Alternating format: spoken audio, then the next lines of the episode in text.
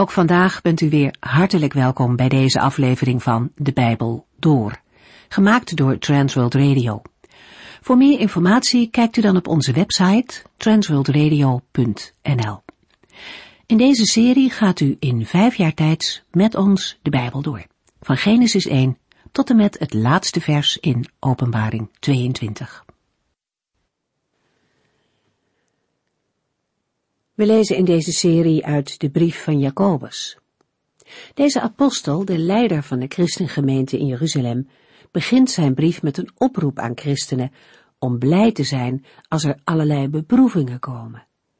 Het is als het ware een keuze om niet terneergeslagen te worden, maar de beproevingen, de moeilijkheden te ondergaan in de wetenschap dat de Heere ons daardoorheen vormt. Dwars door de moeite heen wordt het geloof in Hem juist sterker. Beproevingen leren ons om op te kijken naar de Heere. Want van Hem mogen we vrijmoedig wijsheid en hulp vragen om er doorheen te komen. Mooi is ook de toevoeging van Jacobus dat de Heer het ons niet kwalijk neemt als we tekortschieten in wijsheid. Hij weet immers wie we zijn, en Hij is bij machte ons te helpen in alle dingen. Voor hem is werkelijk geen ding te groot of onmogelijk. En in zijn kracht mogen we de beproevingen doorstaan. Het is wel onze verantwoordelijkheid om de Heere ook om die hulp te bidden. Wij hoeven ons niet in eigen kracht overal doorheen te worstelen. We mogen hem bij alles betrekken. En als het ons soms moeite kost om regelmatig tijd vrij te maken om te bidden en in Gods woord te lezen, dan mogen we ook wijsheid aan de Heere vragen hoe we dat kunnen veranderen. Als u wilt weten wat God van u verwacht, vraag het hem, en hij zal het u graag vertellen. Want hij staat altijd klaar om iedereen die hem daarom vraagt, voldoende wijsheid te geven. En hij zal het u niet kwalijk nemen, zegt Jacobus. Daarnaast hebben we ook nagedacht over rijk en arm een onderwerp dat verderop in deze brief nog uitgebreider aan de orde komt. Jacobus noemt het hier echter al als een waarschuwing dat we ons niet moeten verkijken op de aardse rijkdom. Dat is immers maar voor even. Als een bloem die bloeit en daarna verdort, zo is ook aards aanzien en rijkdom heel vergankelijk. De dingen van de Heere daarentegen zijn voor eeuwig, onvergankelijk, en die moeten we zoeken en vasthouden. We lezen verder in Jacobus 1 vanaf vers 13. In Jacobus 1 vers 1 tot en met 12 heeft Jacobus zijn lezers aangespoord en opgeroepen blij te zijn als er beproevingen zijn. Want als u geloof die beproeving doorstaat, kan uw geduld groeien. In Jacobus 1 vers 12 vult Jacobus dit aan met de woorden Gelukkig is hij die telkens verleidingen weerstaat en niet doet wat verkeerd is. Want later zal hij als beloning de kroon krijgen die God beloofd heeft aan allen die hem liefhebben, het eeuwige leven. In de wereld waarin wij leven overheerst vaak de gedachte dat een mens gelukkig wordt door plezier, geld, een mooi huis, een goede baan, een goed imago en succes in het leven. Maar de genoemde dingen kunnen niet voor blijvend geluk zorgen, omdat ze tijdelijk zijn en van deze aarde die voorbij gaat. Voor de eeuwigheid leveren ze niets op. In Jacobus 1 vers 10 hebben we het gelezen en Jacobus geeft het door aan zijn medegelovigen. Besef goed dat voor God onze rijkdom niets betekent. Verleidingen worden veroorzaakt door verkeerde innerlijke verlangens. In vers 14 moet Jacobus zeggen, het zijn uw eigen slechte verlangens waar u aan toegeeft. Deze slechte verlangens brengen tot zonde en uiteindelijk tot de dood. Want het loon dat de zonde betaalt is de dood. Laten wij bij al onze worstelingen vooral de bemoediging van 1 Corinthians 10 vers 13 niet vergeten, waar we lezen de beproevingen die u hebt ondergaan zijn niet ongewoon. God is trouw. Hij zal ervoor zorgen dat de beproevingen u niet te veel worden. Hij zal ook een uitweg uit de beproevingen geven, zodat u er tegen opgewassen bent. In het vervolg zal duidelijk worden dat de mens al snel geneigd is anderen de schuld te geven van verleidingen, om daarmee zichzelf schoon te praten of te verontschuldigen. De meest voorkomende verontschuldigingen kennen we allemaal. Het is de schuld van de ander, of ik kon er niks aan doen, of iedereen doet het, of het was een vergissing en niemand is volmaakt. De boze heeft mij ertoe aangezet. Ik werd ertoe gedwongen of ik wist niet dat het verkeerd was. Als een mens zulke argumenten aanvoert, probeert hij of zij de schuld af te schuiven op iets of iemand anders. Maar elke gelovige is verantwoordelijk voor zijn eigen fouten. Beter dan ze af te schuiven op anderen is ze toe te geven en God en mensen om vergeving te vragen. In 1 Johannes 1 vers 7 tot en met 2 vers 2 lezen we, Maar als wij in het licht van God leven, zoals Hij zelf in het licht is, dan zijn wij één met elkaar en wast het bloed van zijn Zoon Jezus ons schoon van al onze zonden. Als wij beweren zonder zonde te zijn, bedriegen wij onszelf en doen wij de waarheid geweld aan. Maar als wij onze zonden bekennen, is God zo trouw en rechtvaardig ons die te vergeven. Dan reinigt Hij ons van alles wat we verkeerd hebben gedaan.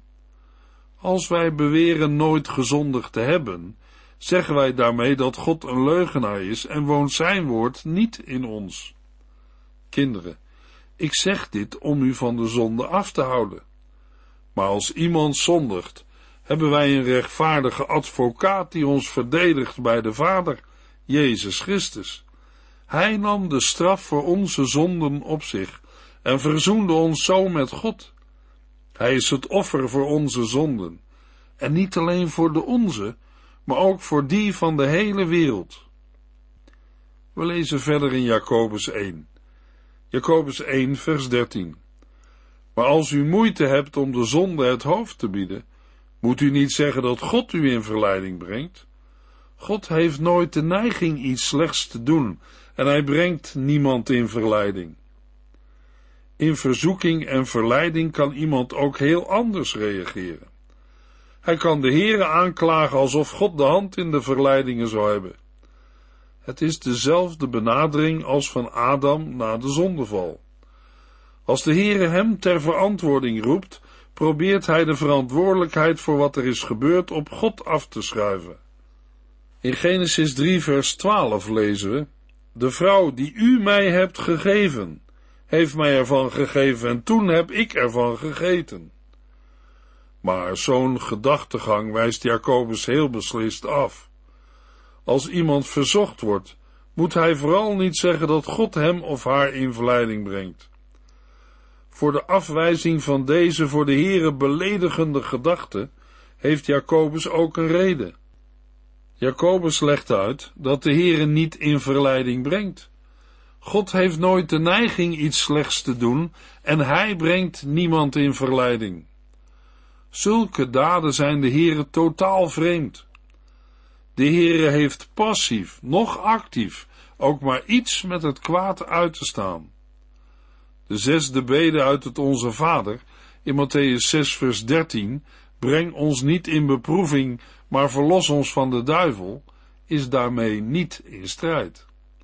Het gebed in Matthäus 6 wil namelijk een gebed zijn om bescherming tegen de verzoekingen van de boze. Ook een gelovige kan met deze dingen worstelen. Gelovigen kunnen zich afvragen waarom zij nog steeds verleidingen ervaren. Verleidt God hen? De Heere beproeft zijn kinderen, maar hij verleidt ze niet door te proberen hen te laten zondigen. God kan toestaan dat de duivel gelovigen probeert te verleiden, zodat hun geloof zuiverder kan worden en ze kunnen groeien in afhankelijkheid van Christus. Een gelovige kan verleiding verdragen door zich naar God te keren en hem om kracht vragen en ervoor kiezen naar Gods woord te handelen. Een vraag die we in dit verband tegen kunnen komen is, hoe zit het nu met de almacht van God en onze eigen verantwoordelijkheid? Vroeger stond het voor veel christenen als een paal boven water dat God almachtig was. Voorspoed en tegenspoed ontvingen wij uit zijn hand. Na de Tweede Wereldoorlog is daar verandering ingekomen, omdat mensen Auschwitz en een wereldbrand met zo'n 30 miljoen doden niet met Gods almacht konden rijmen, hebben velen de almachtige God afgeschreven of zelfs dood verklaard. Maar de Bijbel spreekt wel degelijk over de almacht van God en dat de Heer een God van levende is.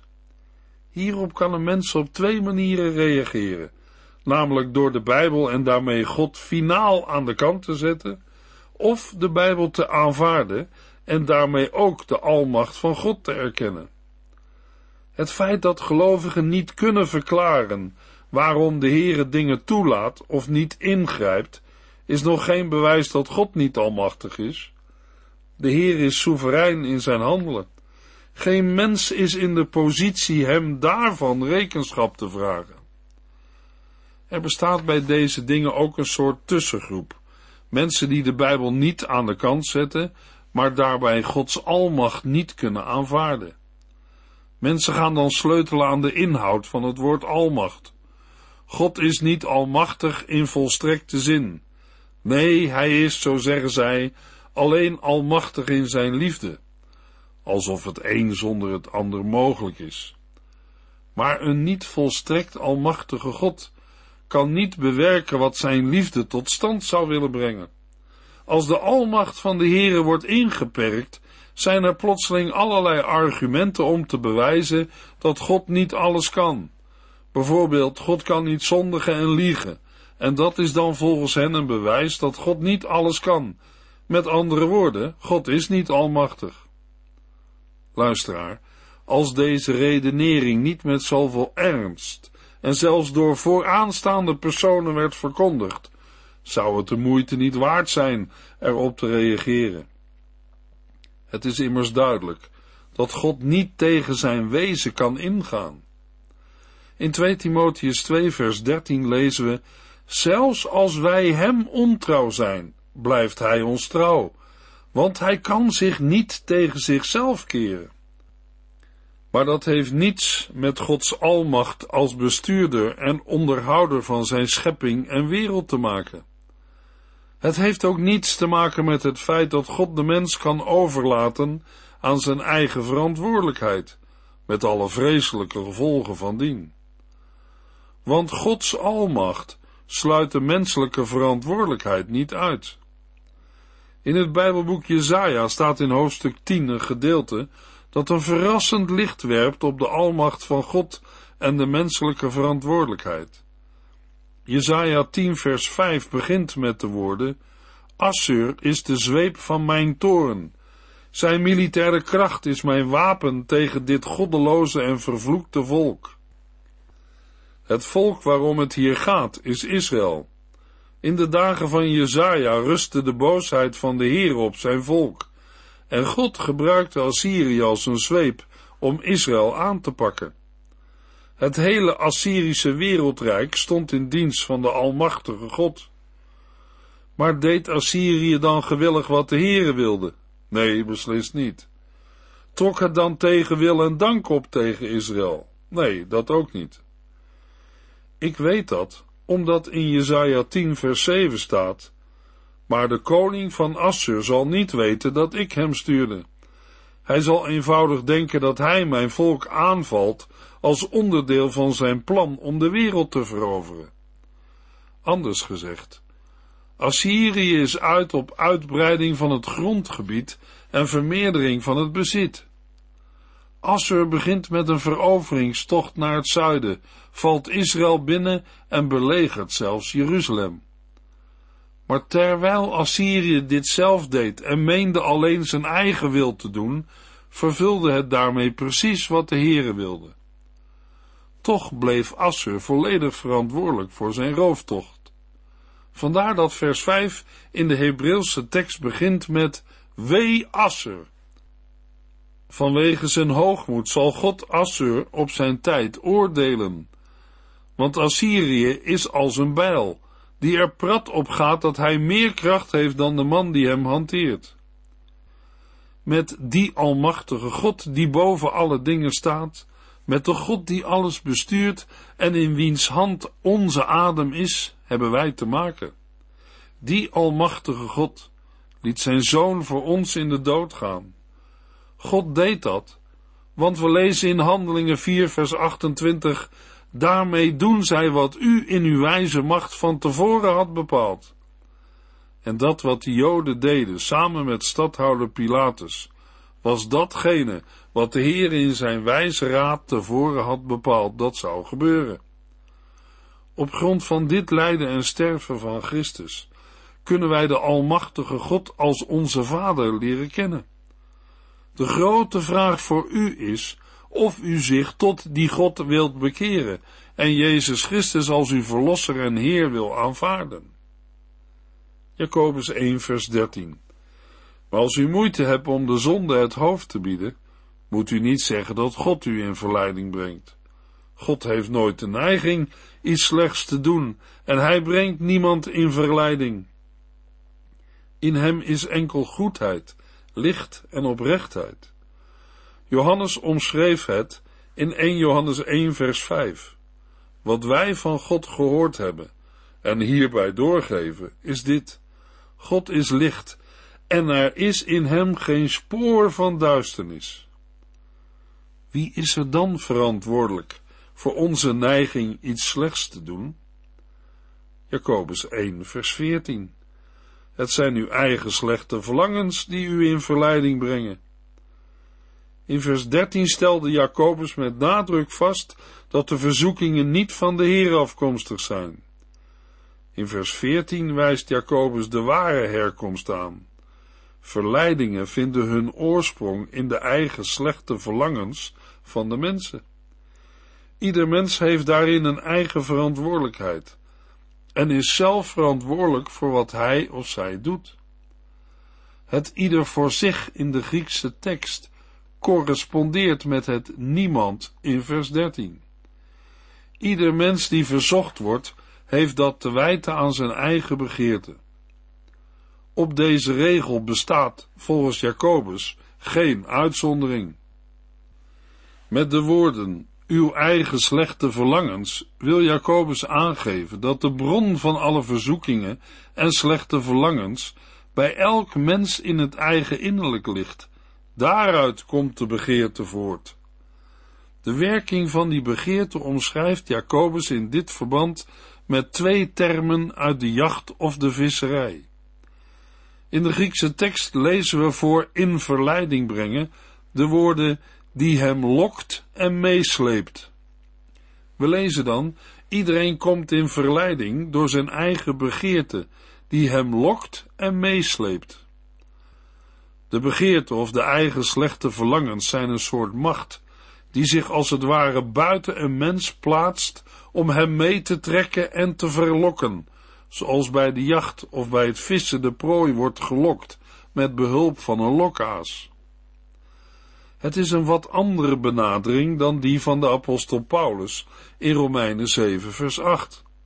Daar stelt de apostel dat de zonde de verkeerde begeerte opwekt. Maar Paulus ziet in Romeinen 7 de zonde als het boze en verkeerde beginsel, terwijl Jacobus de zonde opvat als een zondige daad. De Jezus zegt in Matthäus 15 vers 18 tot en met 20 maar wat een mens zegt, komt van binnenuit, uit zijn hart.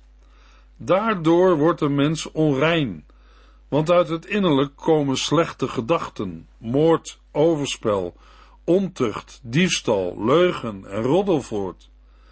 Daardoor wordt de mens onrein, en niet door te eten zonder de handen te hebben gewassen. In Matthäus 12 vers 35 zegt de Heer Jezus, of een mens vol goedheid of vol slechtheid zit, blijkt uit wat hij zegt. Over het kwade hart lezen we ook in Prediker 8 vers 11 tot en met 13. Omdat God zondaars niet onmiddellijk straft, denken veel mensen dat ze rustig kwaad kunnen doen. Maar ook al blijft de mens, na honderd keer te hebben gezondigd, gewoon leven, toch weet ik heel goed dat zij die God vrezen beter af zijn. Maar de goddelozen daarentegen zullen geen lang en gelukkig leven leiden. Hun levensdagen zullen als schaduwen voorbijschieten, omdat zij geen ontzag voor God hebben. En in Prediker 9 vers 3 lezen we, Ieder deelt in hetzelfde lot en dat lijkt onrechtvaardig. Daarom doen de mensen slechte en dwaze dingen en kiezen zij hun eigen onverstandige weg, want het ontbreekt hun aan hoop. Het enige dat de toekomst hun brengt is de dood. De Heere zegt in Jeremia 17 vers 9 en 10 over het hart van ons mensen. Het hart is het meest bedriegelijke ding dat bestaat. Het is door en door slecht. Niemand kan ooit precies weten hoe slecht het is, behalve ik, de Heere. Ik doorgrond alle harten en toets de meest verborgen gedachten, om zo ieder mens het loon te geven dat hij verdient, afhankelijk van zijn daden en levenswijze. Dat de Heere alle mensen rekenschap zal vragen van hun daden, lezen we ook in het laatste Bijbelboek, waar Johannes schrijft in Openbaring 20, vers 11 tot en met 15: Ik zag een grote witte troon en hem die erop zat. De aarde en de hemel vluchtten voor hem weg en verdwenen voor goed.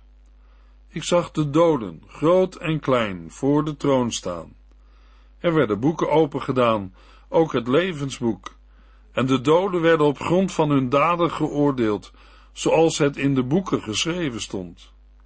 De doden kwamen overal vandaan, uit de zee, het graf en het dodenrijk, en zij werden allemaal geoordeeld naar wat zij hadden gedaan. Het graf en het dodenrijk werden in de poel van vuur gegooid.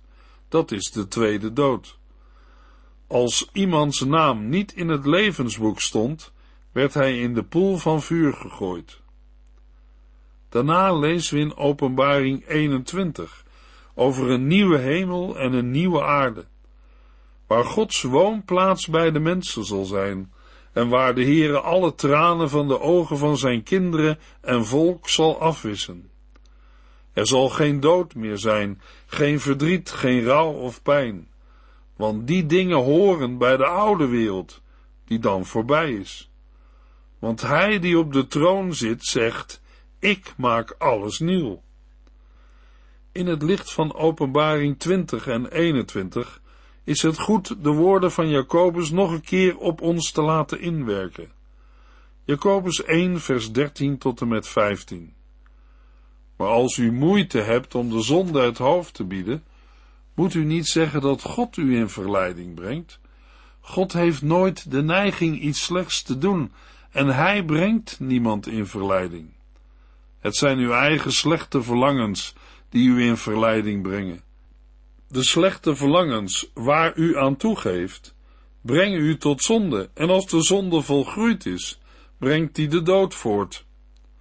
Hoe gevaarlijk het is aan de verleiding van de begeerte toe te geven, laat Jacobus in vers 15 zien. Uiteindelijk vervalt iemand dan aan de dood. Jacobus maakt zo een tegenstelling met wat hij in vers 12 naar voren heeft gebracht. Terwijl iemand de kroon die God beloofd heeft zal krijgen, als hij of zij de verleiding steeds weer weet te weerstaan, zal iemand die ervoor door de knieën gaat, met het tegendeel te maken krijgen. Om de ernst van dat gevaar te laten uitkomen, stelt Jacobus in vers 15 de begeerte of slechte verlangens voor als een vrouw van lichte zeden, die mannen probeert te verleiden en in te palmen. In spreuken 5 lezen we hoe geraffineerd dat gaat. Ze fluistert lieve woordjes met haar gladde tong. Haar woorden en daden draaien je een rad voor de ogen, zodat je haast ongemerkt de levensweg verlaat. De schrijver van Spreuken 5 geeft ook aanwijzingen ter bescherming. Spreuken 5 vers 8 tot en met 13. Blijf bij haar vandaan en ga niet naar haar huis. Laat je eer en aanzien niet bij haar achter. Stel je beste jaren niet in de waagschaal en lever jezelf niet uit aan meedogenloze mensen. Geef vreemden niet de kans om op jouw zak te teren en je zuur verdiende geld erdoor te jagen, zodat je het tenslotte wanneer je lichamelijk en geestelijk aan het eind bent, niet uitschreeuwt. Waarom haatte ik die wijze lessen? Waarom luisterde ik niet naar vermaning en vergat ik wat mijn leermeesters mij leerden? Laten we luisteren naar het onderwijs van Jacobus, dat we ook verwoord vinden in Spreuken 5, vers 20 tot en met 23. Mijn zoon, waarom zou je het bij een vreemde zoeken en liefde bedrijven met een onbekende? Want de Heere ontgaat niets en zijn ogen volgen iedereen, waar hij ook gaat. De goddeloze zal in zijn eigen kwaad verstrikt raken, zijn zonden zullen hem als boeien omknellen. Hij zal sterven, omdat hij waarschuwing en wijsheid afwees, en ronddwalen in de doolhof van zijn dwaasheden. Als een mens zich door zijn eigen slechte verlangens laat verlokken, dan word je als het ware zwanger. Je sluit dan, om zo te zeggen, een huwelijk met de begeerte, en dat leidt tot bevruchting van die begeerte. En na verloop van tijd, als de zonde volgroeid is, baart zij zonde en brengt op haar beurt de dood voort. En dat is volledig het tegendeel van het eeuwige leven uit vers 12. Het is alsof Jacobus op deze manier zijn lezers en ook ons wil waarschuwen, laat het zover toch niet komen. Daarom schrijft hij in vers 16, en dat geldt ook voor ons, broeders en zusters, verlaat dus nooit de weg van God. Maar daarover lezen we meer in de volgende uitzending, in Jacobus 1, vers 16 tot en met 19. U heeft geluisterd naar De Bijbel Door, in het Nederlands vertaald en bewerkt door Transworld Radio. Een programma waarin we in vijf jaar tijd de hele Bijbel doorgaan. Als u wilt reageren op deze uitzending of u heeft vragen, dan kunt u contact met ons opnemen. Tijdens kantooruren kunt u bellen op 0342 478432. 0342 478432. Ook kunt u een e-mail sturen naar de Bijbel door transworldradio.nl en natuurlijk kunt u ook via de post ons bereiken. TWR, postbus 371, postcode 3770, AJ in Barneveld. Dit programma werd gepresenteerd door Cor Weda en Ike André.